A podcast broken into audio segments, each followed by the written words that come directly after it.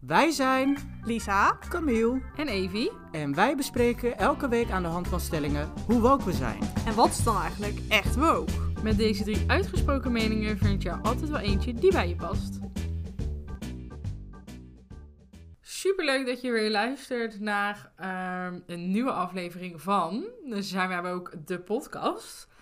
Eh, ik moet zeggen dat eh, de vorige aflevering eh, echt wel een van mijn eh, favorietjes was. Eh, over eh, voeding. Vond ik eh, erg leuk. Wat, eh, wat vonden jullie ervan? Intens. Ik vond het heel intens. Tijdens het bewerken van de podcast dacht ik echt... Oh my god, Lisa, je komt nu echt niet goed uit de verf. Nee, dat Camille- dacht ik ook. Camille dacht die blijft angstig stil. Die denkt, ga ik dit ook zeggen? ja, nee, ik dacht ook, Lisa komt niet goed uit de verf. Dat dacht ik. Ik kwam zelf ook niet Nou. helemaal goed uit de verf. Maar geeft toch niet? Nee. Nee. Maar wel leuk dat je het zegt, Lies. Want eh, we hebben het natuurlijk nog gehad over jouw gerechten. Dus ik heb uiteraard mijn researchwerk gedaan. Hmm, ik had niet Ehm, anders verwacht. Nee, natuurlijk niet. Vertel. Ik noem de naam eer aan. Nou, ik ben dus even gedoken in jouw Zweedse balletjes met aardappelpuree. En eh, de zout was natuurlijk... eh, ik was vol in protest over het zout. Ik zat hier met al mijn protestborden. Geen zout, geen zout. Ja. Nou, schat, in je gerecht zit bijna 4 gram aan zout. Dus Ehm, voor de volgende aflevering ga jij thuis even proberen hoeveel 4 gram zout is. En dan kunnen we daarna oordelen of het wel of niet veel was. Ja, het klinkt als weinig. ja, toch? Ik denk dat het heel veel is. Ah. Maar wacht, je moet het gewoon de volgende keer even wegen. Dan maak je een foto, zetten we die op de gram. En dan kunnen mensen oordelen van eh, of de 4 gram zout veel of weinig is. Dat is een leuk idee. Dat is Dat is echt een goed leuk. idee. Laten we dat doen. Ja, laat ook weten of je dat wil zien. Gaan- we krijgen wel veel reacties steeds binnen hè, op de gram. Ja, mensen waren helemaal ondersteboven van je, Evie. Ja, ik snap het. Ik snap Ja, het. Sluit in mijn DM als ik je nog eh zoutadvies kan geven. Nou, er waren ook mensen die zeggen, nou, die Johnny kruiden of die Johnny, die, dat is echt de tip. Nou, ja, ik, ik ben zo op, de- blij. ik wacht nog op de samenwerking. Ja, Ik, ik wacht ook. nog op het perspakketje. Slijt in haar DM. Blijf ons gewoon DM'en. de girl heeft het nodig. ja. En nou, Lies, jij was natuurlijk de vorige keer ook niet zo tevreden over mij... dat ik niet precies de facts wist te vertellen over Tony Chocoloni. Dus dat heb ik ook nog even voor je gedaan, meid. Daar komt ie. Artikeltje en wel. RTL Nieuws. Dus ik heb gelijk bronnen, hè. het was geen Facebook. Oh, gelukkig. En Tony Chocoloni staat dus niet meer op de lijst van bedrijven die slaafvrije chocola maken. Omdat Hè? de Amerikaanse organisatie Slave Free Chocolate de Nederlandse chocolademaker verwijderd heeft omdat ze samenwerken met een grote producent die cacao gebruikt die is geproduceerd met behulp van kinderarbeid. nou, dat is toch nou. ernstig? Ja, en wij maar denken dat je goed bezig bent. Eigenlijk betaal je er ook voor, hè, voor het Ja. werk. Want het is Ja. helemaal niet heel goedkoop. En dan Super duur. Wel lekker op waar je bij zich. staat. Ja. Dus niet, al, niet, dus niet alle chocola, Tony chocola is dus 100% slaafvrij. Of ja, in dit geval dus kinderarbeid. Nou, stom. En dat je Heel dat wel heftig. zo... Ja, het staat wel een beetje zo bekend. Ja. Tenminste, ja, bij ons bij wel. mij ja. ja, bij mij ook echt. Ik, tenminste, ik heb het idee dat het echt daar ook mee begonnen is, toch? Een Ja. hele slogan en alles van eh wij Ja, zijn, ik vind eh, het echt stom. Ja, boycott. zeg maar. nou, die samenwerking met Tony hoeven we dus niet te verwachten. Nee, nee, geen zin in. Slijt niet in onze DM. Ja, eigenlijk wel, want het is nog steeds lekker. Maar eh, Het is wel lekker. k- kijk maar wat je doet, Tony. Kijk maar.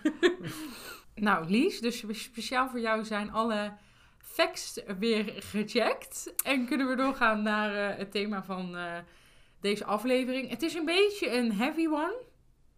We gaan het namelijk hebben over ziekte. Eh, en ja, wat is woke, hoe je daarmee omgaat en eh, waar moeten we eens aandacht aan gaan eh, besteden. Ja, Ja, nou, mooi onderwerp. Ik Ja. ben benieuwd. Ik ook. Ik heb er al zin in eigenlijk. Nou, dan gaan we door naar de eerste stelling.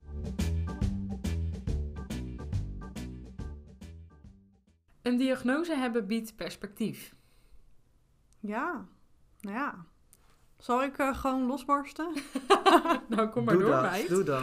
Nou ja, ik kan er wel denk ik wat over vertellen. Want eh, toen ik 15 was, ben ik ziek geworden. Eh, ik heb een infectie waarschijnlijk gehad. Dat is ook nooit helemaal eh, duidelijk geworden wat precies de oorzaak van mijn letsel is eh, geweest.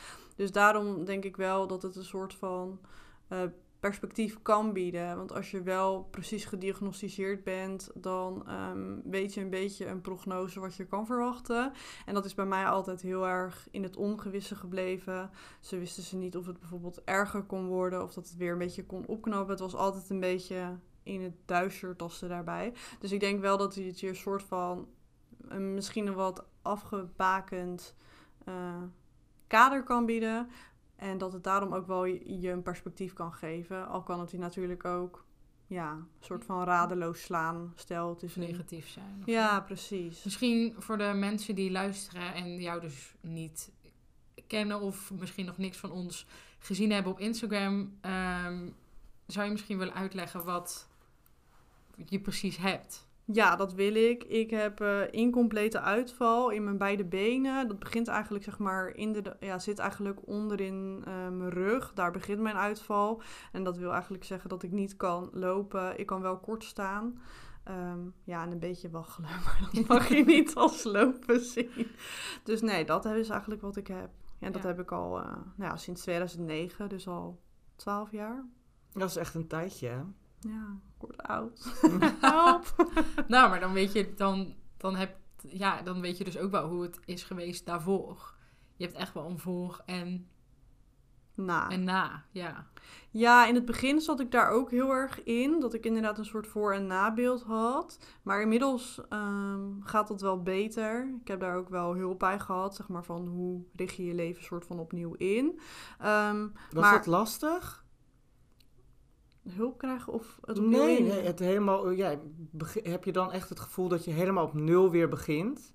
Ehm, ja, met sommige dingen wel. Bijvoorbeeld, ik zat in mijn examenklas en ik moest mijn opleiding gaan kiezen. Toen zat ik wel heel erg in de knoop met mezelf. Wat ik echt merkte dat ik echt dacht van ja, wat moet ik nou doen? Want ik wilde bijvoorbeeld echt altijd heel graag verpleegkundige worden. Maar goed, dat was lichamelijk niet haalbaar. Dus toen ben ik uiteindelijk doktersassistenten gaan doen. Ehm, en, want ik kon het niet over mijn hart verkrijgen om zeg maar helemaal niet voor een zorgopleiding te kiezen. En daar moest ik dan best wel een beetje in schipperen. Maar dat was eigenlijk wel, denk ik, het lastigste. Omdat je heel erg op een cruciaal punt staat in je leven van waar ga je heen. Mm, Ja, ja. Dus dat was misschien erger dan eh, het feit aan dat je niet meer bijvoorbeeld gewoon in een bus kan stappen. Of niet meer trap kan lopen. Omdat je dat... maar dat was dus wel het perspectief van jouw diagnose. Het perspectief van jouw diagnose was dat er dat soort dingen die je benoemd dus waren, die je voorheen wel deed en daarna dus niet meer kon doen. Of in ieder geval niet op de manier zoals je het daarvoor gewend was. Dus bood jouw diagnose perspectief? Nee, niet op een beter leven. Nee. Of op een gezond, of weer zeg maar een gezond, onbezorgd leven. Maar ik zie mezelf niet als ongezond. Ik zie mezelf ook niet als ziek. Nee. Ik heb iets gehad waardoor ik lichamelijk letsel heb, maar ik ben niet ziek. Nee. Zo zie ik het een beetje. Ja. Ja. Ja. Ja, dat denk ik eigenlijk. Maar vind je best een goede insteek. Want hoe lang heeft het geduurd voordat je de diagnose dan had? Eh, omdat we het nu over, ja... Oh, diagnose hebben. Ja, Ja. hebben. Nou ja, het is nooit helemaal duidelijk geworden ehm, dat er echt een stempel op is van, oh, het is dit. Ook omdat op een gegeven moment, ehm, zeg maar bijvoorbeeld een acute infectie, hebben ze ook gewoon niet op tijd opgemerkt. Nee. Want ik ben eigenlijk best wel een beetje van het kastje naar de muur gestuurd in het begin. Omdat mijn klachten waren best wel... eh, ze kwamen heel langzaam optreden, zeg maar. Het, Oh. het was eerst heel erg vermoeidheid en mijn lopen werd steeds slechter.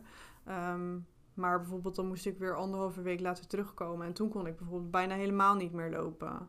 En het is niet dat we intussen tijd naar de dokter waren geweest of zo. Dat was gewoon Nee. een soort van behelpen. Ja. Totdat je weer naar de arts was. Maar dat ging eigenlijk uit goed vertrouwen. Niet wetende dat het eigenlijk een soort van kwaad kan. Ja. Ja. Maar eigenlijk als, ehm, als, als, als ik hem dan zeg maar zou, zou pakken naar het woke gedeelte van onze podcast, dan denk ik, nou ja, het hele kastje naar de muur verhaal vind, vind ik dus echt wel een ding. Dat vind ik echt, dat hoor je natuurlijk ook best wel vaker. Eh, dat vind ik, dat is misschien wel een maatschappelijk probleem, een punt, iets om alert op te ja, zijn. ik denk dat er veel meer een vangnet geboden moet worden. Ehm, en dat mm, heb ik nu dus ook wel. Hè. Als je echt merkt dat iemand van het kastje naar de muur is gestuurd in het verleden. Ik had bijvoorbeeld afgelopen week een cliënt. En dan merk ik aan mezelf dat wel weer een soort van vuur daardoor Ja. naar boven komt. Dat Ja. ik denk van, ja weet je, er worden afspraken gemaakt die moet je nakomen. En zo kan je eh, dat vooral voorkomen. Ik denk Ja. dat dat wel een beetje woke is. Ja. Maar Hm. ja, Ja, maar Nou- ik denk dat het ook, het is ook een beetje mensenwerk. Dus je blijft het, je blijft het je soms blijft het toch houden. houden. Ja. Maar nee, die doet het, eh, da- dan verandert er weer iets in zorgland, denk ik. En dan doet Keesje dat niet meer, maar dan gaat Truusje dat overnemen. En dan doet de dokter het niet meer, maar dan zit dat bij een verpleegkundig specialist. En dan moet je weer daarheen, en dan moet je weer zus, en dan moet Ja. je weer... Klopt dat? Ja, dat is het ook wel. Want maar ook ik- van, we weten het niet. Dus dan is het weer van A naar B, van B weer naar A, en van A weer naar C. Want heb je lang ehm, de hoop gehad dat je weer beter zou kunnen lopen? Heeft dat lang geduurd? Of eh, hebben ze gelijk gezegd van ja, dit gaat hem niet meer worden? Ehm, nou, in het begin heb je daar heel erg hoop op. En dat doe je dan ook tijdens je revalidatie. Dan ga je eh, intern revalideren. En als je dat hebt gehad, nou, dan blijf je naar de fysiotherapeut gaan. Hopende dat het steeds beter werd. Maar op een gegeven moment, ehm, ik heb ook eh, twee, drie jaar heb ik niet echt veel in een rolstoel gezeten. Heb ik heel veel op krukken gelopen. Ehm, Nou ja. Echt op armkracht heb ik dat gedaan. Maar daardoor gingen wel mijn schouders eh, kapot. Oh, pijnlijk lijkt me dat wel. En weet je, dat is, kost ook zoveel energie dat ik eigenlijk alleen maar eh, met krukken kon lopen, naar school ging en verder lag ik de hele dag op bed. Omdat ik dan zo vermoeid Ja. was en ook zoveel pijn had, want ik heb ook zenuwpijn. En dan was ik daar zo kapot van dat ik eigenlijk geen normaal leven heb gehad toen.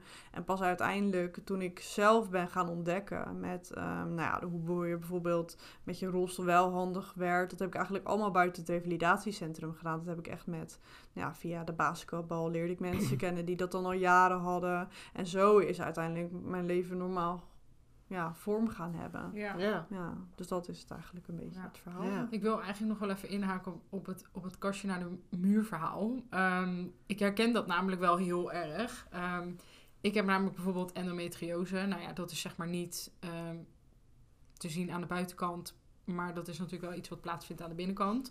Dat is waarbij je... ehm, Het is alleen maar bij vrouwen waarbij je baarmoederslijmvlies zich zeg maar gaat vestigen buiten je baarmoeder. Eh, waardoor je dan bijvoorbeeld dus verklevingen kan krijgen in je buikholte, verklevingen kan krijgen op in rond je organen eh, en bijvoorbeeld ook kiestes kan krijgen in je eierstokken. Ehm, en er zijn ongeveer 1 op de 10 vrouwen die dat hebben. Dat is eigenlijk best wel veel, maar het is nog steeds een hele onbekende ziekte, waardoor dus een diagnose ook gewoon bij sommige vrouwen soms wel 10 jaar duurt voordat die gesteld wordt eigenlijk. Voordat, er, voordat ze dus een, een stempel krijgt. Terwijl in het geval van endometriose wil je dat eigenlijk heel graag. Want het perspectief is er, is er best wel. Je kan er gewoon, je kan er nou ja, niet gewoon, dus best intensief, maar je kan eraan geopereerd worden. Ehm, niet, echt niet in alle gevallen, weet je, als het echt heel ernstig is, wordt, wordt dat wel lastig. Maar goed, heb je op tijd een prognose dan, of heb je op tijd een, een eh, dat, ze, dat ze zien dat je endometriose hebt, dan kan je best wel gewoon goed en snel op zich wel behandeld worden. Ehm, je kan hormonen slikken om de boel, te onderdrukken. Kijk, het is allemaal niet eh, super positief, maar het kan je wel echt helpen om gewoon minder pijn te hebben, minder vermoeid te zijn. De klachten van endometriose zijn gewoon super intensief. En als ik, toen ik het kreeg, ik kreeg het op zich best wel snel, maar omdat ik zelf heel proactief was met ik wil een afspraak, ik wil een doorverwijzing, ik voel dat dit niet goed zit, ik weet dat er iets niet klopt, zeg maar zo. Maar ik weet ook dat er zoveel vrouwen wel van het kastje naar de muur zijn, zijn gestuurd, dat ze gewoon zeggen van, oh mevrouw, het zit tussen jouw oren. Ja, is lastig. Ja. Ook Dat soort ik denk dingen, dat je, ja. als je het niet goed aan kan geven, wat je nou precies... Als je het niet goed onder woorden kan brengen, Dat is dan... zo lastig. Dat is ja. ook heel lastig. Ja. Dan weten mensen het ook niet. Nou, ja. Maar eigenlijk, hoe fout is het? Want dit hoor je mega vaak. Hoe fout is het eigenlijk dat je als patiënt erop moet staan dat je doorverwezen moet worden? Ja, Ja, maar je ziet bedoel- wel vaak ook dat die patiënten toch ietsjes meer nou, ik heb wel eens gezien dat ik dacht, oh ja, het is toch wel goed dat je nog een second opinion hebt gevraagd. Ja, maar dat, dat is het slechte. Dat ik denk, hoe erg is het dat je dat moet doen om, om een diagnose te krijgen? Ja. Ehm, wat, eh, weet je, het kan je leven veranderen. Ik ken een meisje die heeft de chronische ziekte van Lyme. Eh, en zij is jaren echt bedlegerig geweest. Zij Mm. kon eh, echt niks. Zij kon ook, was heel erg prikkelgevoelig. En zij heeft een behandeling gehad in Duitsland met antibiotica wat ze haar in Nederland niet wilde geven. En dat is gewoon een standaard eh, antibiotica behandeling. Ik heb het niet over die experimentele behandelingen, zeg maar echt alternatief. Want daar geloof ik zelf niet helemaal in. Mhm. Maar dan denk ik, weet je, het is bij haar bewezen. Ze heeft die bacterie in haar lijf. Zij is zo ziek. En ze dachten gewoon dat het ook bij haar tussen haar oren zat. ja, en- zo heftig. Ja, ze krijgt gewoon standaard antibiotica behandeling. En haar leven is na tien jaar weer eh, veranderd. Niet zodanig dat ze weer gezond is, maar wel dat ze weer iets kan doen. Dat ze niet meer de hele dag in een donkere kamer hoeft te liggen. ja. Dan denk ik, ja, hoe, het is toch van de zotte. Ja, ja. ja, dat vind ik Ja, ook. lastig. Ja. Nou, we hebben een goede binnenkomer, jongens. Dan eh, gooi ik stelling 2 er ook maar gelijk in. Ziek zijn is een keuze. ja, ik denk in sommige opzichten soms wel. Ja. En soms ook niet. Ehm, ik denk dat je. eh, ja, sorry. Ik, eh, ik ben al vijf jaar niet bij de dokter geweest. Dus ik kan niet heel erg goed met jullie meepraten. Ik ben gewoon zelf ook niet zo heel vaak ziek. Maar ik. Soms zie ik wel mensen om me heen. En dit is even niet om te slijmen, eh Lies. Maar dan denk ik, ja. eh, je, ik vind het ook goed dat je zelf aangeeft van. joh, ik ben niet ziek. Eh, ik kan gewoon omgaan met me. Ja, hoe, hoe zei je dat nou?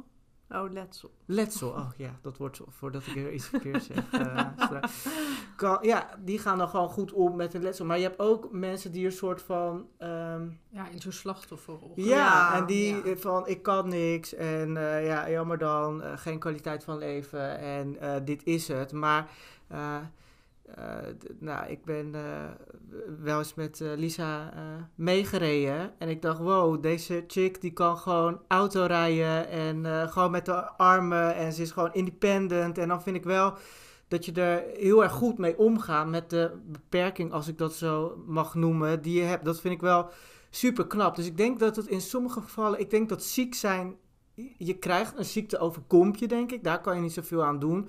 Maar ik denk wel dat je soms anders mee om kan gaan. Dat denk ik wel.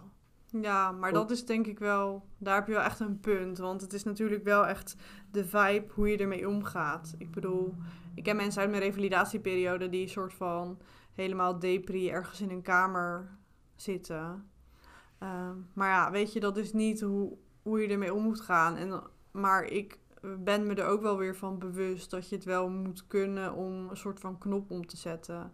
Ja. Maar dat is wel moeilijk. Ik denk dat dat het moeilijkste is. Een mindset eh, zo omturnen. Dat lijkt me gewoon heel erg lastig. Ook al zou je iemand door elkaar willen schudden. Maar soms lukt het gewoon niet. Het lijkt wel alsof dat niet voor elkaar Maar te ik denk dat je er wel zelf echt aan moet willen kunnen werken. Mm. om dat wel te kunnen. Ja. En ik denk ook wel wat Eva eigenlijk zegt, hè, als je ziek wordt, eh, ook al zie je het niet aan de buitenkant, ehm, weet je, dan is het ook. Weet je, het is maar net hoe je ermee omgaat. Ik bedoel, als jij veel pijn hebt, eh, dat is super kut, maar het is wel iets waar je mee om kan leren gaan.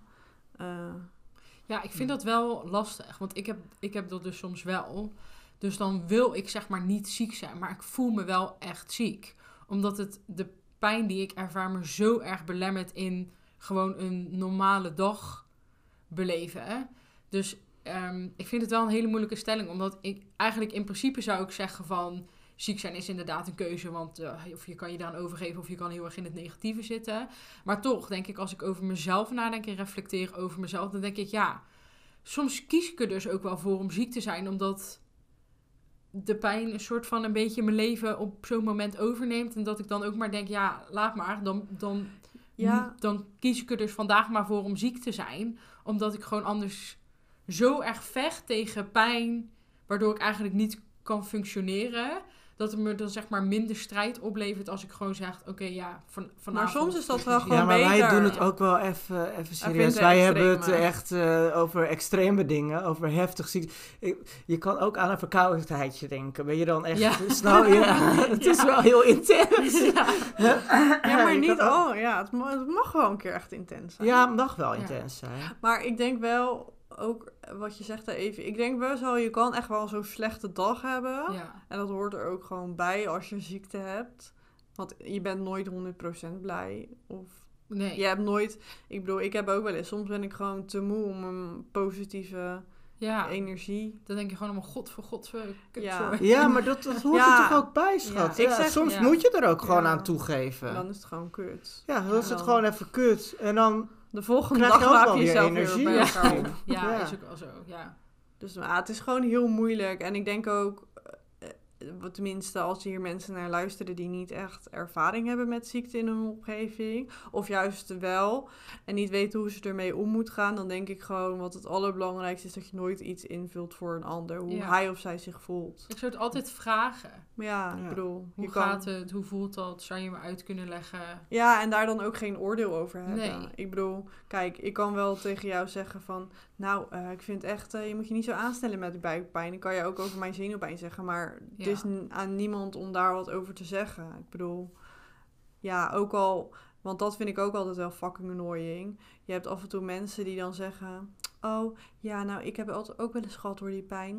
Nou, dat valt dan echt wel Ja. mee. Nou, dan denk Ja. je echt, eh, ja... dat is natuurlijk, met endometriose is dat, is dat ook echt zo'n supergoed voorbeeld. Omdat eh, het is heel moeilijk uit te leggen hoe dat dan zeg maar voelt. Dus sommige mensen zeggen dat, of sommige mensen beschrijven dat dan als... Ja, het is een hele heftige menstruatiepaar, maar dan misschien echt nog tien keer erger. En dan zijn er ook zeg maar altijd wel meiden of vrouwen die dan zeggen... Oh ja, maar ik heb ook hevige menstruatie, dus ik weet precies hoe dat voelt. oh. Dan denk ik... Hoe voelt het voor jou dan? Ja, ik heb soms momenten gehad dat ik, eh, nou ja, dat ik dat lopen bijvoorbeeld gewoon echt zeer doet. Ehm, nu, sinds ik geopereerd ben, niet. Maar voor mijn operatie had ik er dus een vrij grote kiest op mijn linker eierstok. En dat drukte dus op mijn zenuw. Dus dan, het, zit, het komt van één plek. Dat voelde ik ook heel duidelijk. Maar dat kan je dan echt voelen tot, tot in je tenen. Maar ja, plassen, gewoon naar de wc gaan, dat kon fucking veel pijn doen. Poepen, Oh, kon oh. fucking veel pijn doen. ja. Dat Nou. geeft, dat, dat- ja, dat, dat is zeg maar, een- eh, zeker als het op een zenuw drukt. Ik heb nu ook nog weer, zeg maar, een nieuwe kies. Dus na mijn operatie heb ik weer een nieuwe kieste gekregen, ook in mijn linker eierstok. Maar die is echt een veel stuk kleiner en dat verschil voel ik wel. Maar ik heb bijvoorbeeld dus ook wel een soort littekens van verklevingen die daar zaten. Ehm, daar heb ik bijvoorbeeld niet extreme pijn van. Maar als ik bijvoorbeeld eh, de hele dag een strakke hoge broek aan heb gehad, dan heb ik gewoon nog steeds een hele beurzenplek in mijn buikwand. En als ik intensief ga sporten, dan heb ik dat dus ook in mijn rug. Omdat dat allemaal plekken zijn waar, dat eh, gezeten heeft. waar dat gezeten heeft en waar ze dat met mijn operatie hebben weggehaald. Maar zeker Ja. voordat ik geopereerd werd, ja, en dan zeker rond mijn cyclus, dan kreeg ik gewoon soms een pijnaanval. Ja, dan viel ik gewoon flauw. Ja, ik geloof niet dat je dan nog echt lekker kan functioneren. Nee, Nee. maar dan moet je er gewoon aan toegeven. Ja. Ja, dus nee, ziek zijn is een keuze, maar niet altijd. Ja. Lekker antwoord wel. Ja. Eh, we hebben natuurlijk nu veel gehad eigenlijk over, nou ja, in ons twee gevallen dan Lies, over echt ziek zijn, wat, wat dan lichamelijk is. Maar ehm, je hebt dus eigenlijk ook wel ziek zijn wat misschien meer psychisch is. Ja, Ehm, daar heb ik last van. Dus nu ben ik aan de beurt.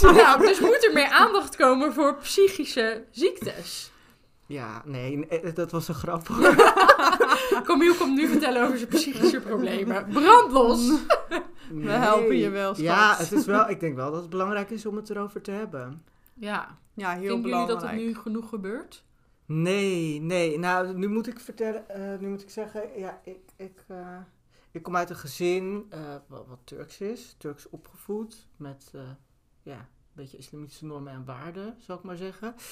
Ehm, daar was het sowieso wel taboe om het over ja, psychische problemen, denk ik, te hebben. Dus nee, daar heb je het niet over. Wat je lichamelijk kan waarnemen, ja, dat was dan prima. Ja. Maar sowieso, ja, echt psychische problemen. Dat was sowieso al best wel een taboe of zo. Ja, werd dat dan wel als, wordt dat dan wel als ziekte gezien? Of... Nou ja, meer als, ja, die is, even, die is niet goed of zo. Ja. Weet je Ah. wel, dat je gelijk gek bent. Ja, Ja, oh ja, ja. maar Dus- dat is natuurlijk ook wat je super vaak hoort. Hè? Van als iemand, eh, weet ik veel, iets, een psychische aandoening Ja. heeft, dan is het gelijk, oh, die is eh, die spoort gek. niet. Ja. Ja.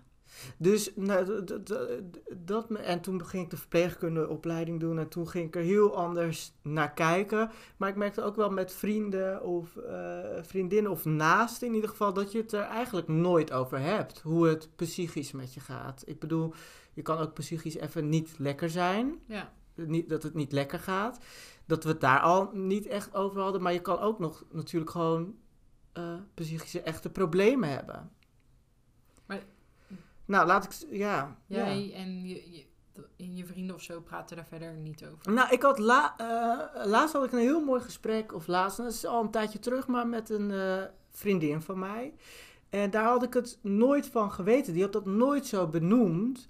En eh naar de hand hadden we er een gesprek over. Toen dacht ik, oh, wat fijn dat je dat, dat je dat zo vertelt of zo. Dat ik dacht, oh, nou, dat is de eerste waar ik dat zo open en eerlijk van hoor. Nou, dat vond ik echt wel mooi, zeg maar. Dan kan je ook weer ja, ik kon me daardoor beter inleven in bepaalde dingen. Of dat ik dacht, oh nee, oké, nu moet ik daar anders op reageren. Of ja, misschien is dit geen handige opmerking. Ja. Nee. Ja, het is natuurlijk als mensen er niet over praten en je weet er niet van af, ja, dan is het al heel moeilijk om er ja, rekening mee te houden.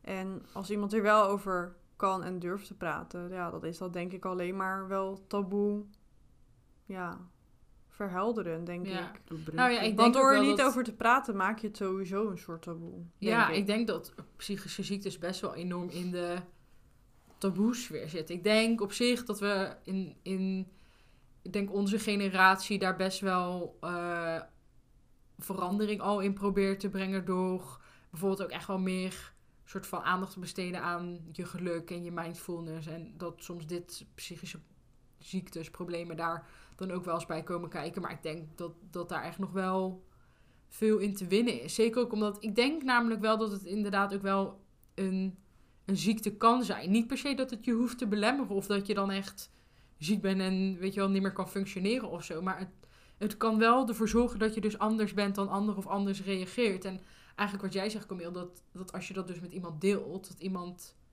daardoor jou juist beter kan gaan begrijpen. En dat het eigenlijk alleen maar helpt in de band, in ieder geval die je dan dit, dit geval met je vriend, vriendin hebt. Ja, ja. Ik denk dat het soms wel heel erg onderschat wordt wat het dus met mensen doet of voor mensen kan betekenen. Ja, en ook eh, wat voor hulp kan je er dan nou Ja. bij krijgen? Ja, ik heb ook, eh, ja, er is geen nooit een diagnose of iets gesteld, maar dat ik gewoon echt he- helemaal niet lekker in mijn vel zat in mijn puberteit.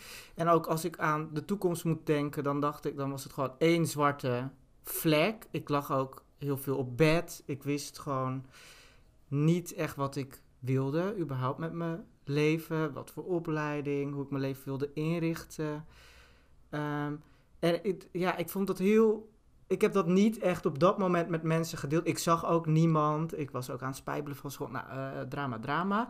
Maar ik heb dat toen nooit met iemand gedeeld. Terwijl ik denk, ja, het had best wel fijn geweest als je dat eh, kan delen. En dat iemand kan zeggen, ja, dat hoort erbij, maar misschien helpt dit. Of, eh, ja, dat je wat handvaten zou krijgen. ja, of misschien zou je dat kunnen doen. Ehm, ja.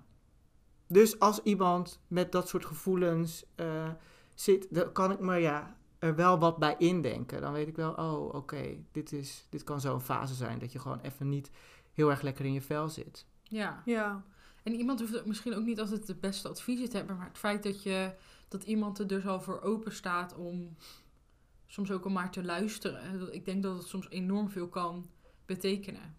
Ja, weet je wat het is? Ik denk dat hoe leuk en mooi en eh, goed je leven ook gaat en hoeveel geld en alles je ook hebt, maar een depressie, eh, dat, dat kan gewoon iedereen Kan, overkomen. Ja, dat geloof ik ook echt. ja, ik denk ook niet dat je daar een soort van heilig in moet verklaren dat het jou nooit kan overkomen. want Ja, en van, denk, ja, we zijn zo nuchter. Weet je, ik ben ook nuchter en van het grappen maken. En soms, eh, ja, het kan eens zijn dat dat een periode in je leven dat je dat even niet hebt. Ja. Ja, Dus als we een luisterend oor kunnen bieden aan iemand, dan eh, Moeten ze maar in onze DM vliegen. Ja, ik wilde zeggen, bel ons. Maar ja, we hebben, we hebben nog geen hulplijn. Misschien komt die nog. We hebben nog geen nummer, dus als Ja. we luisteren over jou kunnen bieden, dan... eh, Slijt maar in onze DM. Je kan Ja. toch tegenwoordig op Insta ook ehm spraakbericht Voice. sturen? Spa- oh, dan doen we spraak. eh, ja, gaan we mag. uitwisselen. Ah, of ga gewoon naar een vriend of een vriendin. Maak het bespreekbaar in ieder geval. ja, maar hebben ze die vriend of vriendin niet en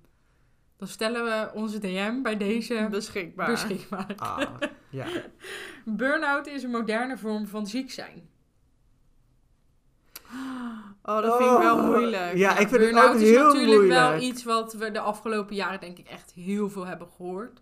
Ik denk ook veel millennials met burn-outs. Ik denk, ik, hoewel ik, ik het ook wel eh, terugzie zeg maar, bij de generatie van onze ouders. Ik ben eigenlijk ook wel benieuwd hoe de generatie onder ons, die eh Ja, ik ga heel straight. zen en ja. chill. Dus eh, Nou, geloof er niks van. Ik ga heel straight met je zijn. Ja, ik, ik vind het soms best wel lastig als mensen zo ehm, makkelijk doen over een burn-out. Zeg maar dat mensen heel zo, ja, ik denk dat ik, ik loop bijna tegen een burn-out aan. Dan denk ik, ja, volgens mij weet je niet precies wat een burn-out is.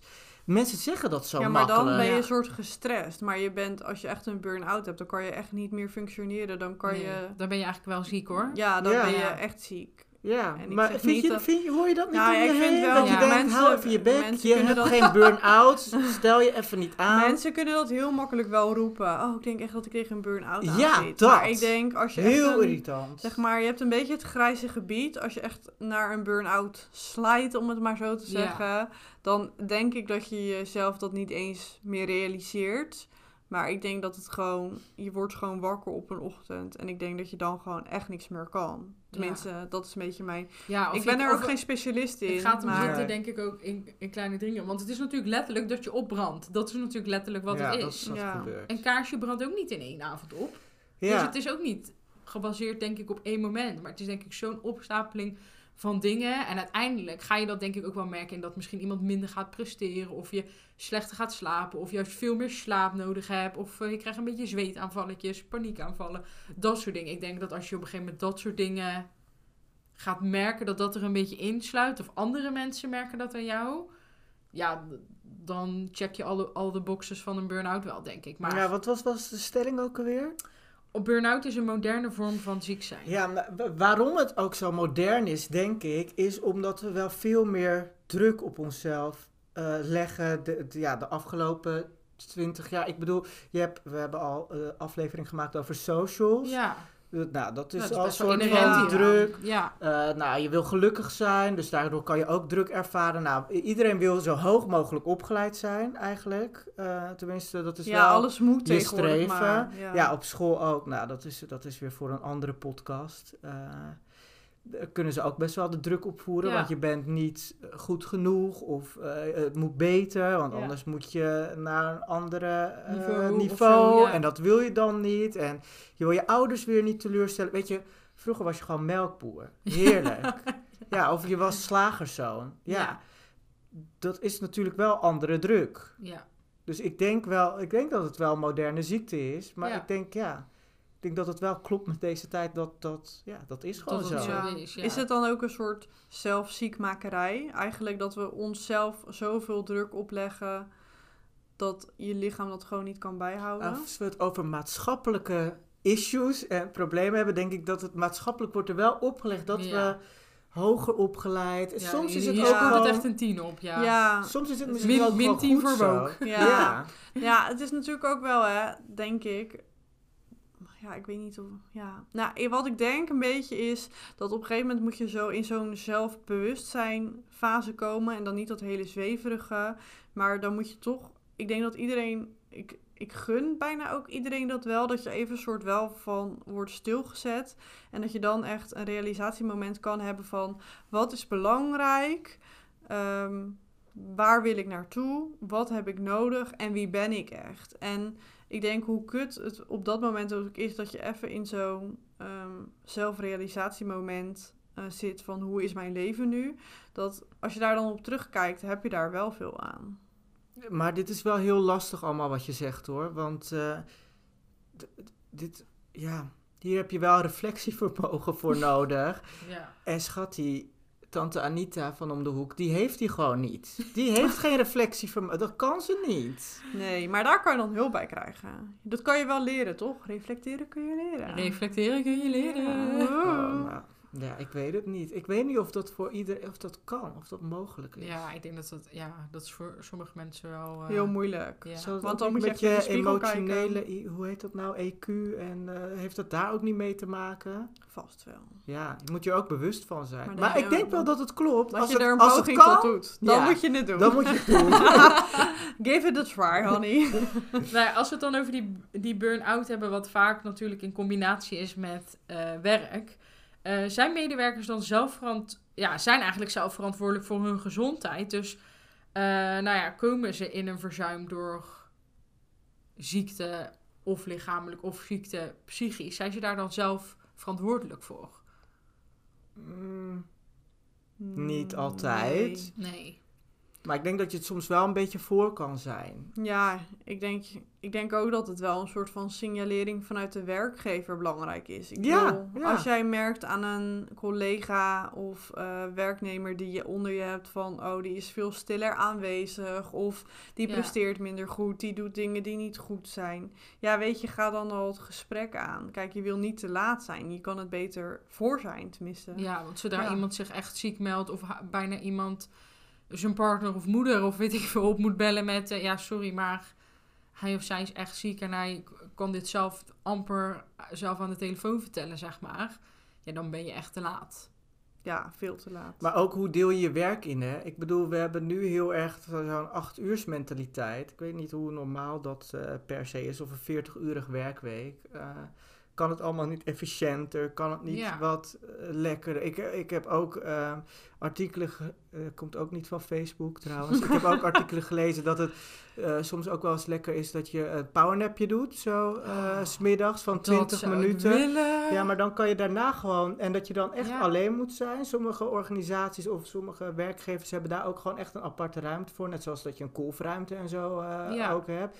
Dat je even tot jezelf kan komen en dat je daarna gewoon weer eh, ja, wat efficiënter kan werken. Want kom mij nou niet vertellen als je een achturige werkdag hebt... dat je altijd even efficiënt aan het Nee. werk bent. Nee. nee Ik sta sta soms- wel eens naar mijn scherm en dan ja denk ik ik zit- echt, sta soms ook aan eh, jullie bureau te koekeloeren van uh, juju kan even niet meer nee, ja.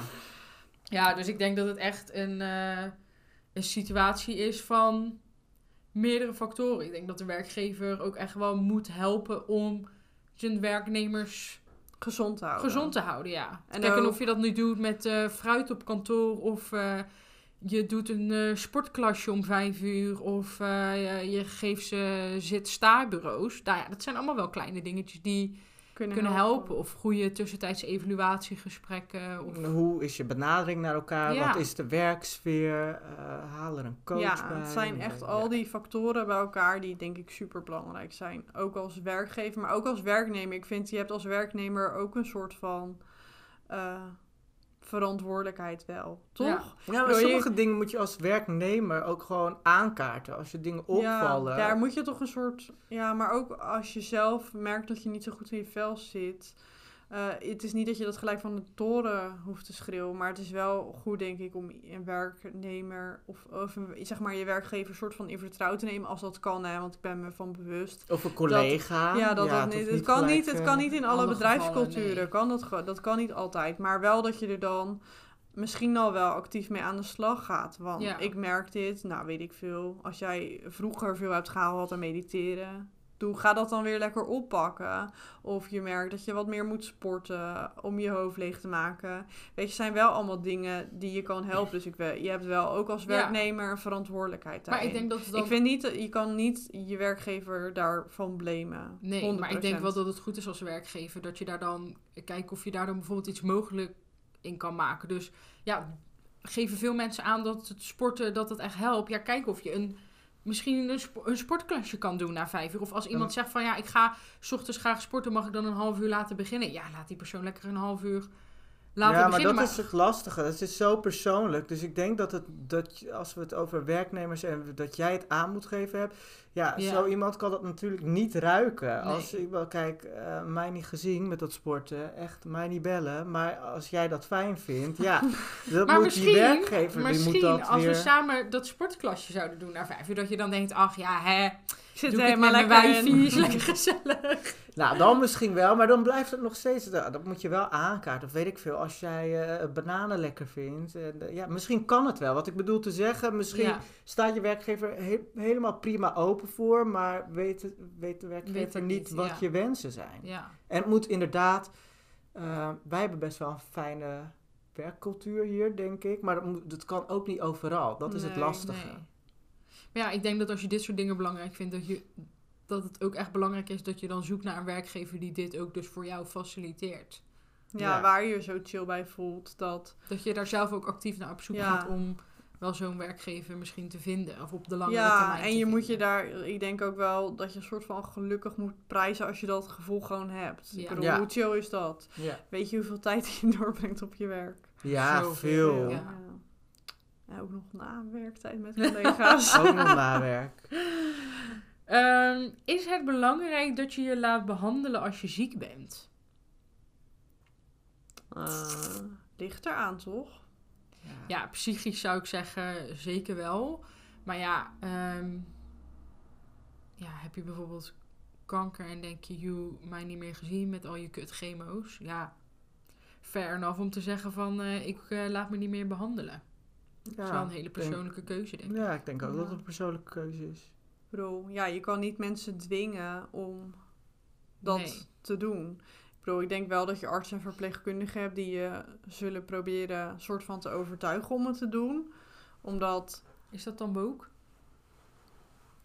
om patiënten te overtuigen. Nee, ik denk juist echt dat het heel hoog is als je gewoon de wens van de patiënt of cliënt Dat is respecteert. lastig. Ja, maar we, we, we zijn natuurlijk wel op. Je wil mensen beter maken. Ja, we zitten wel echt in een betermaakcultuur waarin wij leven, toch? Ja, of een, je moet aan de norm voldoen cu- cultuur. Wat ik een hele mooi vind eh, is. ehm, eh, ik had eh, mensen in de omgeving die AD, eh, ADHD, ADHD hebben. Ja. En eh, die zitten dan aan de Ritalin of worden geholpen of weet ik veel. Ja. Omdat ze dan in de klas te druk zijn. Weet je wel, moeten ze voldoen aan de norm van de klas. En Ja. je moet een rustig kindje zijn en bla bla bla. En ehm, dat er dan ook wel eens aangegeven wordt van ja, eh, dit is gewoon ook wie ik ben. Waarom moet ik hiervoor behandeld worden? Ik wil dat eigenlijk helemaal Ja. niet. Ik wil geen pillen. Ja. Ja. En dan? Dan blijft het een druk jongetje. Ja.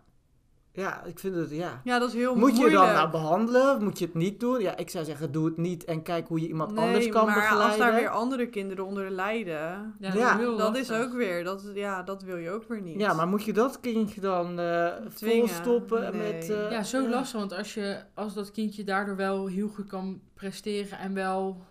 Ja, maar dan zit je weer in dat presteer... Ja. De- ja, Is natuurlijk ook. Maar ja, dat is natuurlijk op school ook wel...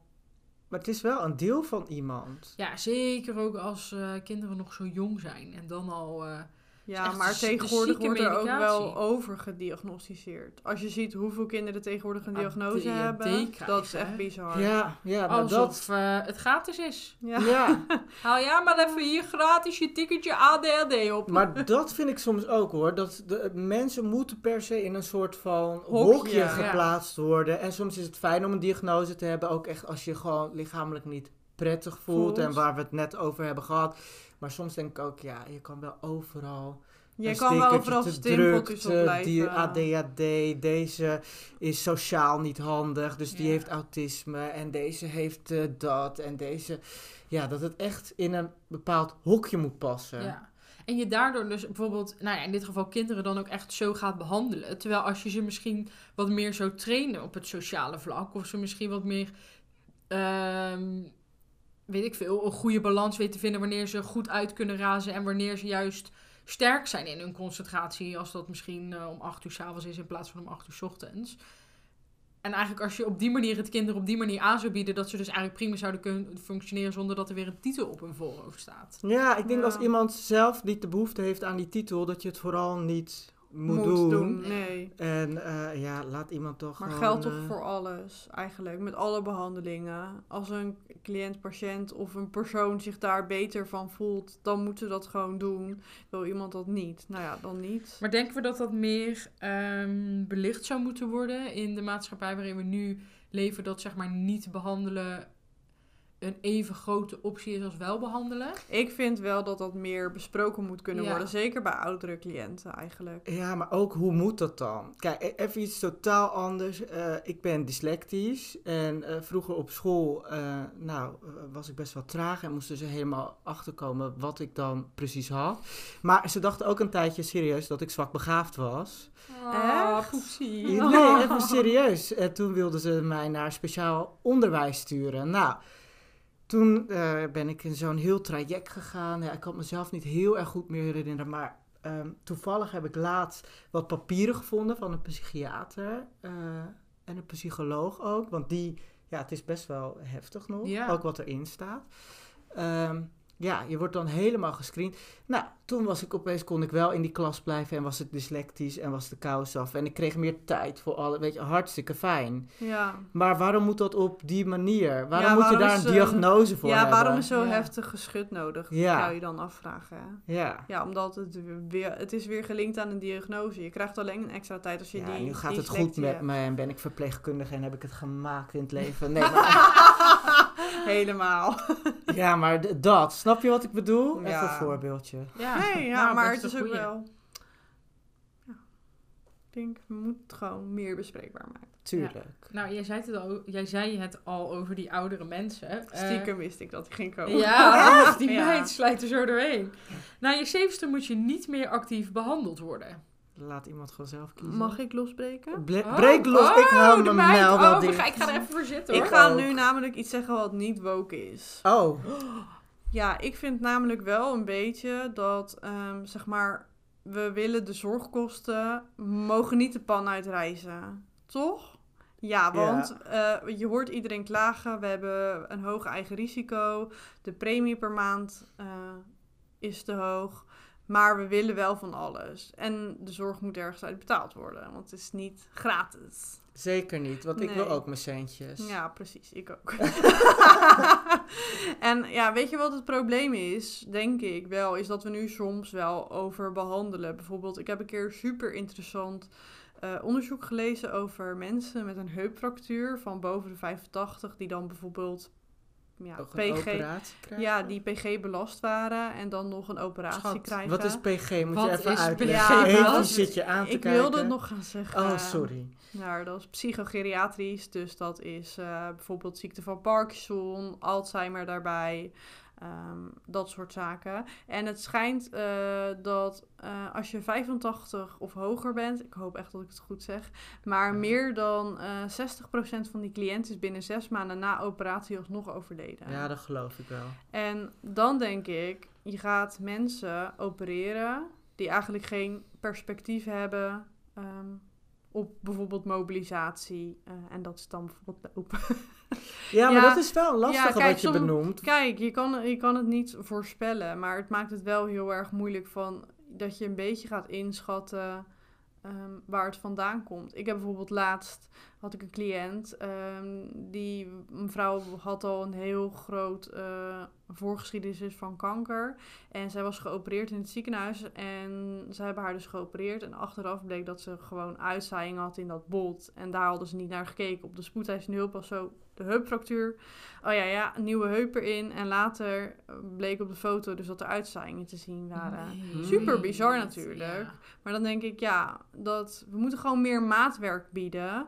En dat heeft wel een beetje ook met zorgkosten en ik denk ook wel met leeftijd te maken. We moeten gewoon veel meer per casus kijken. Niet, je moet wel protocollen hebben, ben ik het helemaal mee eens. Maar kijk gewoon per cliënt wat er moet gebeuren en wat mogelijk is. Ja, maar d- dan vind ik je hartstikke soort van woke nog overkomen. Want de stelling was toch boven de, wat was het? 70. Moet je Niet meer behandelen? Wat zeg je dan? Nee, ja, 70 is wel heel jong. Oh, dus Ja, 85 70 plus is niet de meer, nieuwe niet meer 40 behandelen. schat. Wat zei je? 70 is de nieuwe Ja, 40. nou ja, maar ik vind wel 80, 85 gaan we al anders praten. Ja, maar dat is weer de nieuwe 50.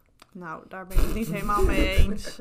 Weet je hoeveel ziektes die... Nou, als je heel cru gaat kijken, ze worden wel ouder, ze zijn wel langer gezond, maar ze zijn ook langer ziek. En dat Ja. kost ook meer geld, Ik moet iemand eigenlijk langer hierbij ziek is. ook een beetje denken aan eh, toen zeg maar de coronapiek zo op zijn hoog was. Van, nou ja, in het geval dat het moet, dan moeten we gaan kiezen tussen leggen we iemands oud, iemand, een ouder iemand op de IC of leggen we een jonger iemand op de IC. Ja. En dat is zo'n discussie die je soms ook wel hebt met orgaandonoren. Hè. Orgaandonatie Ja? Ja. ja. dus dat soort organen. ja, geef je die dan aan iemand die 70 is, die nieuwe longen nodig heeft, of geef je die iemand aan 10 is en nieuwe longen nodig Ja, heeft? dat zijn weer van Ja, die dilemma's. Het maakt het zo moeilijk. Het is ook wat wij zeggen. Het is, het is niet af te kaderen. Hè? Wanneer behandel je wel niet iemand? Het is gewoon... Nee, maar als je het hebt over ziektes, eh, perspectief, kosten, dat soort dingen, ja, dan. Ja, ik, ja als, als je al weet als arts dat iemand eigenlijk geen perspectief meer heeft. Oh, dit gaat heel kut klinken. Maar ja, weet je, als je iemand weet dat iemand geen perspectief meer heeft. En ehm, ja, wij werken in de palliatieve zorg. Maar bijvoorbeeld levensrekkende behandelingen kunnen soms ook best wel veel geld kosten. Ehm, als, en als iemands kwaliteit van leven daar dan heel erg onder lijdt. Ja. Waarom zou je dan daar ja, 20.000 Ja, euro ik denk tegen vaak dat de patiënt daar ook wel voor kiest. dat ze denken, ja. ja. toch nog even dat klein ja, kindje als we het zien. Niet aanbieden, dan is het er soort van Ja. niet. Het is Dus echt lastig. Oh, ik snap, ik vind wat ik je snap zegt, wat maar- je zegt, maar ik vind hem heel... Ja, als ik da- dan in iemands schoenen sta en... Oh nee, ja. Ja. Waar, ik snap wel wat je zegt. Het is een, ja, het is een mooie discussie. Ja. Ja, ik bedoel, we willen het betaalbaar houden. En dan moeten we ook gaan kiezen op een gegeven moment. Wat Ja. willen we? Want weet je, als je nu de voorspellingen ziet, het wordt alleen maar duurder. We kunnen niet doorgaan zoals we het nu doen. Nee. Nee. Want dat iedereen wordt ouder. We hebben echt een probleem. Of het moet allemaal... Ja, of, Goedkoper. het goed- ja. Dat je... Ja. de- ja. Ik bedoel, Ja, die hele... Dan heb je dat over die f- eh, farma-industrie. Dat is ook allemaal, duur, hè? Maar het is ook gewoon, weet je, alle behandelingen die we kunnen aanbieden worden steeds complexer. We kunnen steeds meer, dat is supergoed. Maar ja, alles wat complexer is, is ook duurder, denk ik dan. Ook omdat het nog niet op grote Ja. schaal uitgerold Ja. is. Ja. Ik bedoel, voor zo'n speciale operatie heb je alleen in dat ziekenhuis. En Ja. dan is die operatie daar ook gewoon veel duurder, omdat het gewoon nog niet de, de norm is. Maar ja, wat nu de niet-norm is, is over tien jaar weer wel de norm. Dus ja, wie weet waar we dan staan. We schuiven het gewoon lekker, net als iedereen voor ons uit. Ja, Ja. dat is wel echt wat er gebeurt. Maar ja, Ja. heel benieuwd tot als... Wij oud zijn, wie er dan voor ons gaat Ja, zorgen. wat dan de situatie is, ja. Ja, meer robotiseren. Dat Ja. zou wel handig zijn. Ja. Ja. gooi mij maar in een wasstraat hoor. Ik ben eh, geopereerd ook met een robot. Nou, Ook met die Da. Vinci-robot, of niet? Dat je alleen maar van die streepjes hebt. Ja. Oh, heel cool. Heel Ja. interessant. Dus ik Oh. heb... eh, Maar dan wordt het ook gewoon goedkoper, omdat het minder mankracht, Ja, denk ik- ik. ja. Dus dat, is, dat zou wel een goede optie Maar ja, alsnog, weet je, de, de, toen ik daar naartoe ging, er, is nog steeds iemand die me kon vertellen wat er allemaal gaat gebeuren. Dan is er iemand die me rijdt eh, naar, die, naar de rec- recovery, IC, ja, ja. zeg maar daarvoor. Dan staan er ook nog allemaal al... Oké, nou, ik heb denk ik wel drie mensen gezien. Eentje die een beetje op mijn arm stond te kloppen omdat mijn handen te koud waren voor het infuus. De andere die nog even een gezellige VR-bril op mijn neus heeft gezet om het nog aangenaam te maken. De andere die me nog even lekker met warme dekentje heeft staan inpakken. Nou, er zijn ook weer zo drie mensen. Nou, Nou, wel lief. Ja, Ja, het was heel want we willen ook naar warme zorg toe. Ja, we willen Ik ook bedoel, naar warme Kijk, zorg. zorgverzekeraars die gaan bellen waarom een cliënt zo vaak verschoond wordt, dat vind ik wel weer echt too much. Ja, maar kan echt niet. Verder moeten we een beetje besparen. Maar ja, en al die mensen die vervolgens ook nog eens een keer op een OK staan voor je narcose. De... Ja, maar ja, je wil ook veiligheid. Ja, je wil zeker ook veiligheid, Geen, eh, je wil ook geen AliExpress-operatie. ja. nee, zeker niet. En er moest nog eh, een uroloog bij komen kijken, omdat mijn kiezen zo dicht bij mijn urineleider zat. Dus daar moest ook nog een stent. Maar in. ja, dus als dat je optelt hoeveel allemaal. mensen er dan alsnog... Als ze dat niet doen, dan waren. kan je straks nooit meer normaal toilet. Ja, nou, dus ik ben er blij mee. Want eh, ik bedoel, ik had eh, voor eh, twee, drie dagen een katheter. Nou, alsjeblieft, never ever nooit meer. Nee? Oh, dat lijkt me zo lekker. Nou, mijn lijf had zoiets van, er zit iets wat Even niet hoort. Ontspannen. Even als ik een dagje Netflix, weet je wel, zo'n zondagje. Ja, Even een katheter, ja. Ik vind het zo gek, want ik dacht echt, Huh? Nou, ik heb nog geen, geen één keer het gevoel gehad dat ik moest plassen. Dus ik zei ook echt zo, zit er eigenlijk iets in die zak? dus mijn vriend tilt die zak op en ik denk, godverdomme, er zit 80 liter in die zak.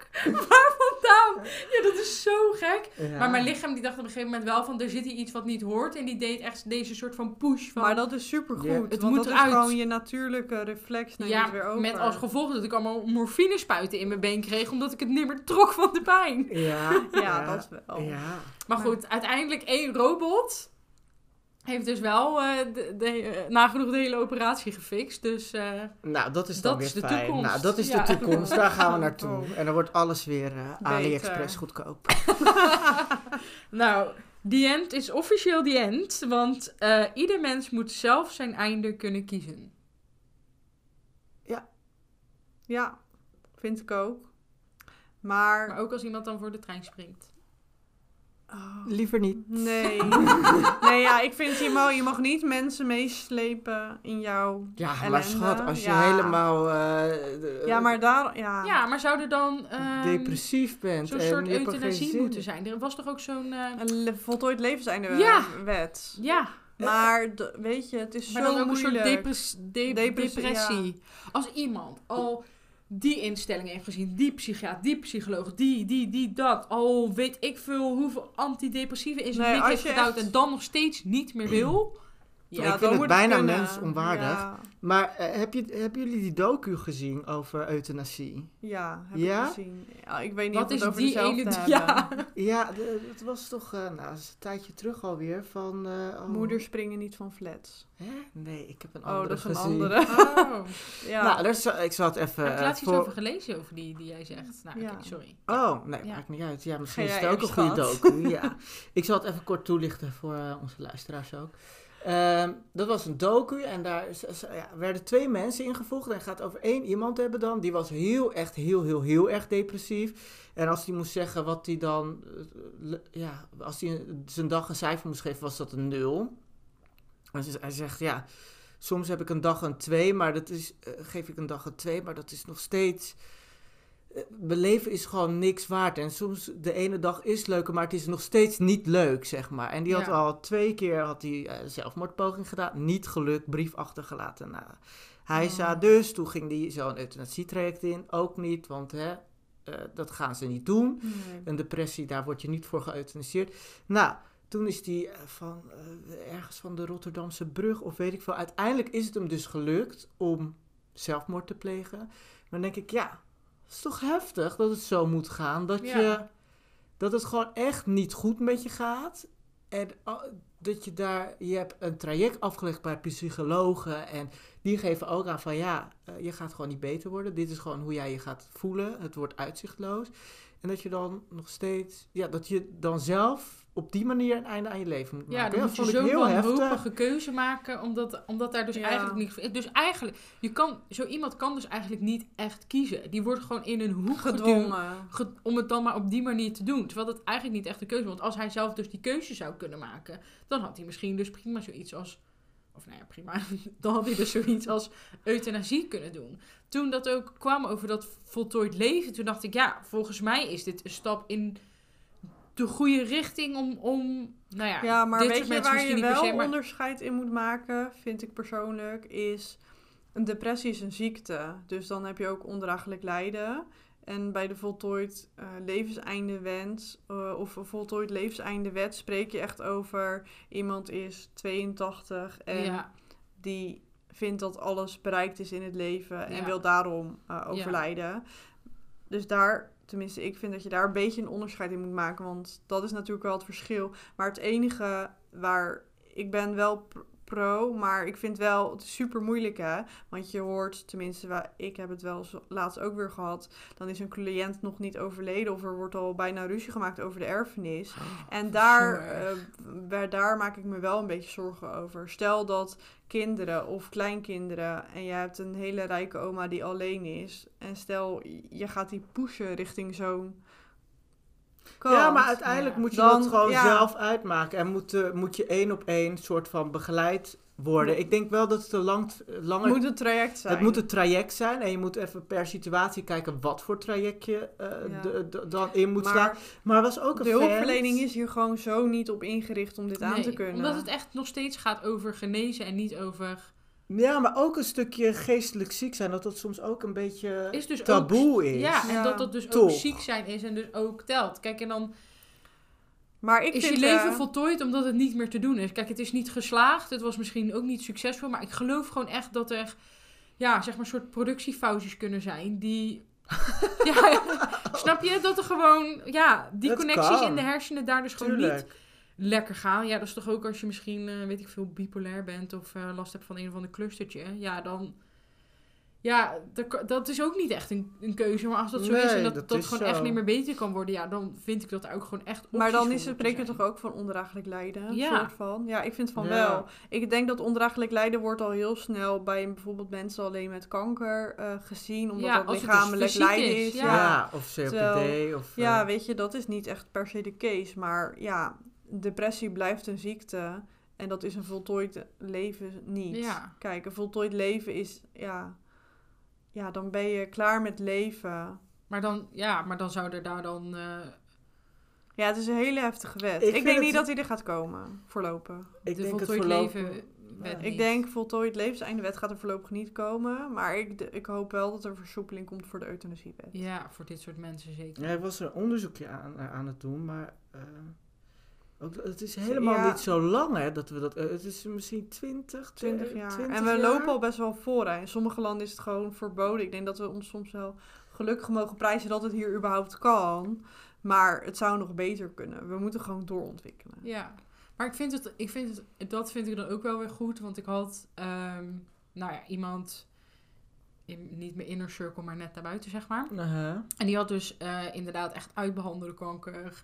Die had echt al wel langer geleefd dan, nou ja, dat iemand, iedereen ooit had kunnen voorspellen. Ze was op zich nog best wel jong, in de 50. En zij maakt dan bijvoorbeeld echt de hele bewuste keuze om te gaan op de dag dat ze geboren is. Zo van, dan is er gewoon één dag dat jullie aan mij kunnen denken, dat jullie verdriet om mij kunnen hebben en dat En jullie mij ook kunnen vieren. Oh, dat vind ik En wel. kijk, Oh, en ja. dat denk ik, kijk, hier voor dit soort mensen, voor dit soort situaties, is, vind ik het zo mooi dat mensen dan zo'n beslissing maken en deze keuze zo in handen nemen en dan zeggen: Dit is gewoon mijn dag en dan kunnen jullie mij vieren. En ik ben gekomen en ik ga ook weer. En dat is, waar- dan denk ik, ja, da- Ja. Dat, zijn, dat zijn echt goede. het heel lastig. We- we- ik, ik heb een paar favoriete programmaatjes, maar misschien, ja, daar komen we zo af en toe wel eens op, denk ik, op mijn favoriete programmaatjes. Maar één daarvan is Kees van der Spek. En daar was dus ook een vent, die was 82, ook weer... eh, hij had een goed zakelijk bedrijf, het liep allemaal goed. Eh, de- een vrouw, die had die t- trouwens nog steeds, maar zijn vrouw die had Parkinson en die wilde doorleven, maar hij zelf wilde er echt mee stoppen. Dus toen heeft hij via, via, via dark web, hoe die man van 82 daarop komt ook. Nou, Ja. ik, zou het ook echt niet weten. Maar heeft hij een soort van zo'n zo'n paardenmiddel Oh, besteld, ja. weet je wel. En, Oh. en toen is hij met zijn kleren en al, zei hij, ja, ik wil het met de mensen om me heen ook niet moeilijk maken. Dus ik ga me, ik ga me wassen en ik trek mijn kleren hoe Alvast ik in de kist wil Ja. alvast aan. Die heeft het ingenomen en eh, hij is ook echt overleden. Maar mensen, weet je, als je er geen ehm, eh, eh, middelen of wet en regelgeving voor hebt, dan gaan mensen het op een andere manier proberen. Ja, Ja. dus maak er dan. Dat was even mijn moraal voor. van het verhaal. Maar waarom komt die bij Kees van der Spek? Ja, omdat het over dark web ging en dat je zoiets dan gewoon kan krijgen. En Oh, de eerste keer ja. was het niet goed bezorgd. Zoiets. er, was, er was toch Is dat iets... niet ook... Dat is toch toen ook geweest met die zelfmoordpoeder? hij was opgelicht. Die man was eerst opgelicht. Oh. En nu had hij wel het juiste geneesmiddel, maar eh, eh, hij wilde toch dat Kees van de Spek die oplichters ging pakken. Want Oh, de eerste ja. keer had hij gewoon hij er meer, rozenwater of zo, weet ik veel. Iets wat niet, dat, ja, weet ik veel. Zo Maar- had Maar heeft, had hij toen ook de hele situatie, eh, dus ook helemaal gewassen kleren aan, toen dat, Had zeg maar, toen dat, ook al gedaan? dat neppe rozenwater ingenomen en toen gebeurde er Ja, niks. toen gebeurde er niks, denk ik. Ja, zo Stond daar die hele fam eh, ready to say goodbye. En Ja, dan, eh, je moet het terugkijken. Het was echt, het Oh, was echt intens. Ja. staat op Videoland. Ah, dat ga ik kijken. Kees van der Spek, oplichters, Huppel de Pup. Ja, ik ben Nou, fan jongens, van het die was man. echt een heftig onderwerp. Dus eh, laten we elkaar eh, maar even gaan eh, ranken. Ik ben eh, heel benieuwd.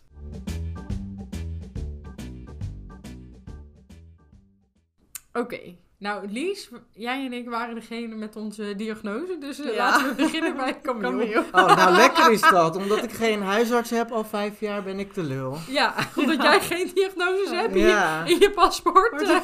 Ja, nou, kom maar op dan. Ik vind het echt wel een hele moeilijke. Ik vind dit ook moeilijk om te ranken, ja. Dit is ook lastig om te denken. Ja, Nou, Camille, ik eh, ga beginnen. Ik geef je een 8. Want ik denk dat je toch wel heel erg bewust bent van hoe mensen met een ziekte, eh, ja, hoe je daarmee om kan gaan, denk ik. Je, tenminste, dat is ook wel hoe je dat benoemt. En ik denk ook, nou ja, weet je, je zegt ook hè, van ja, psychisch eh, lijden, dat eh, moeten we echt serieus nemen. Daar ehm, ja, kunnen, we niet, kunnen we niet bagatelliseren. We kunnen niet zeggen, oh, als je fysiek lijdt is het veel erger. Dus ik denk, ja, dat dat wel eh, je toch een beetje woke maakt. Hoe lastig Oeh. dat ook is met dit onderwerp. Ja. ja. Wat denk jij? Ehm, ja, ik denk misschien iets, ietsje lager. Een, ze- een 7 of zo. Ehm, omdat je nu eigenlijk pas voor het eerst zo'n gesprek had met die vriendin. En dan met oh ja, psychische problemen. En ehm, nou ja, dat je zelf dus eigenlijk ook wel zo'n situatie hebt gehad. Maar dan eigenlijk niet echt wist hoe of wat. Dus ik denk, je bent een goede ontwikkeling met betrekking tot psychische problemen. Mhm. Maar je, maar je bent er nog niet. je hebt nog niet al je, je, hebt nog niet al je sorry's bij al je vrienden op tafel gelegd. Oh, nou. Nee, maar verder, net als dat we eigenlijk allemaal wel hebben, is, eh, weet je wel, dat we echt wel vinden dat, er, dat je zelf moet beslissen, dat er meer ruimte moet zijn voor eigen keuzes. En dat dat in de maatschappij ook wel echt heel erg ehm, Belangrijk. is. belangrijk is en mag veranderen. Dat, dat hebben we allemaal wel. Ja. Ja. Dus het, het steeds een goed punt. Ja, maar ik vind de 7 vind ik wel echt laag. Maar goed, ik vind mezelf heel woke. Maar goed, never mind. Dan gaan we naar Evie, toch? Yes, laten we dat doen. Ik vind ook een 7. Nee, ja, wat, wat moet je hiervan zeggen, joh? joh dit is toch gewoon... eh, ik vind wel dat je... Ja, je bent heel open en eh, ik vond het echt een mooi gesprek. Vond het, het was anders dan anders of zo. Het was wel een ander sfeertje. Ja, het Hier echt, ook. waren echt openbaringen. Ja, ja. Maar ook waar we het nooit zo diepgaand eigenlijk over hebben gehad eh, Nee. per se. We weten wel wat zo van elkaar, maar nooit zo. Dus ja, wat moet je hierop geven, joh? Ik denk dat iedereen hier zijn eigen mening en ding over heeft. Maar ja, hoe woke ben je? Ja, ik ga jullie al, ja, ik ga jou in ieder geval een 8 geven. ik vind het allemaal prima. Voor 10. Zal ik een 10 geven? Nee, je uit. Ik was de vorige al zo goed. ja, dat, dat heb je echt geneeld. Ja, dus nu? Ga, nee, nee, nee. Nee, ik geef je denk ik eh, een 8,5.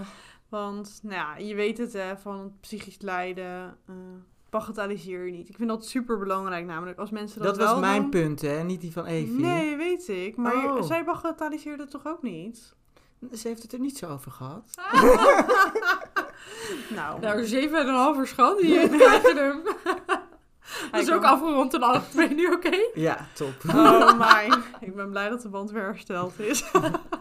Anders Maar- was, was het volgende week zijn wij de, niet Ja. meer de podcast. Nee. Ik ben ook de podcast. Ik ben Lisa en ik ben hier met eh, Lisa.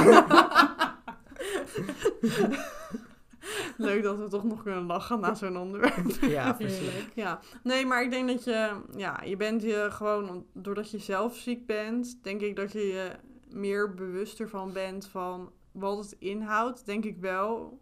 Ik denk dat dat wel meespeelt. Ik wil niet zeggen dat je dan het er, ja, ik weet niet eigenlijk. Nee, ik denk dat je dan gewoon beter eh, weet wat het inhoudt, hoe je ermee kan omgaan. En ik denk dat je dat gewoon goed doet. En ook wat je zegt hè, van, ja, ik ben gewoon lekker doorgaan pushen bij de dokter, omdat ik gewoon voelde dat er iets mis was. Nou ja, weet je, dan heb je gewoon je instinct geneeld.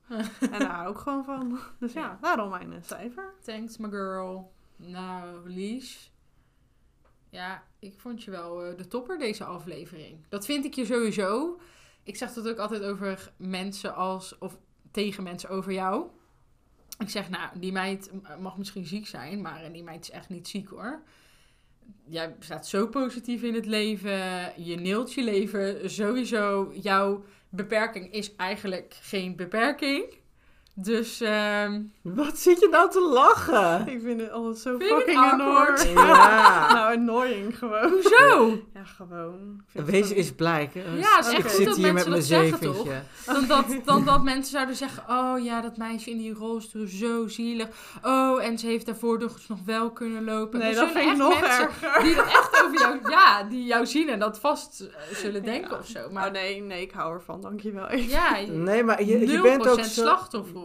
Ja, precies. Ja. Nee, En je geef- zult ook niet zeggen van, weet ik veel, als je ons dingen ziet doen, dat je dan zou zeggen, ja, jullie kunnen dat. Ik bedoel, ik... Oh, dat zou ik echt annoying vinden. Dat zou ik heel vervelend vinden. Ik ben heel blij dat je dat niet ja. doet. Plus ik zei een keer tegen jou over schoenen, ja, die lopen super lekker. En toen keek jij mij ook zo aan. Ja, daar heb ik niks aan, zei je toen ook. Ja, je had er ook heel anders op kunnen reageren. En ik keek ook echt zo van... Oké, sorry, fucking domme opmerking. Maar jij pakt dat gewoon super goed op. En dat vind ik ook met hoe je over ziekte nadenkt. En hoe, zeg maar, vooruitstrevend je daarover nadenkt. Ook, weet je wel, het, het voltooid leven of, of, nou ja, die daar ergens in de buurt komen. En eigenlijk ook wel hoe je nadenkt over hoe de zorg in de, in de toekomst zou moeten zijn. Omdat het eigenlijk nu geen houdbare situatie meer is. Ja, girl, you're freaking woke. Dus, eh nou, je krijgt gewoon eh een 9,5. Oh, thanks, schat. Lekker kort ook, schat. Want! ik geef een 8. Ja, je, je weet al eh, wat ik van je vind. Ik, Lisa is gewoon Lisa. En eh, toen, je, ja, toen ik je voor het eerst ontmoette, moest ik soort van wel wennen hoe je dat allemaal deed. Maar het is, je doet dat zo elegant. Het is gewoon, ik kijk er ook niet meer van op. Je bent gewoon Lisa eh, voor ons. Dus je bent niet je ziekte. Je bent, je bent gewoon Lisa. En je deelt er gewoon zo tof mee. Maar ook gewoon hoe je mening over alles hebt. Eh, ja. Ik heb jullie allebei een 8 gegeven. Want ik vind, ja, hoe woke ben je erin? Maar ik heb wel voor jullie allebei respect voor hoe open jullie deze podcast dus zijn geweest. En ook gewoon hoe je ermee omgaat. Dat vind ik echt knap. Je bent gewoon independent. Je doet je ding. En Oh, thanks, Poesje. Ja, Ja, ja, meen ik. thanks. Nou, we Ja. zijn er weer goed uitgekomen, jongens. Het was een heftige.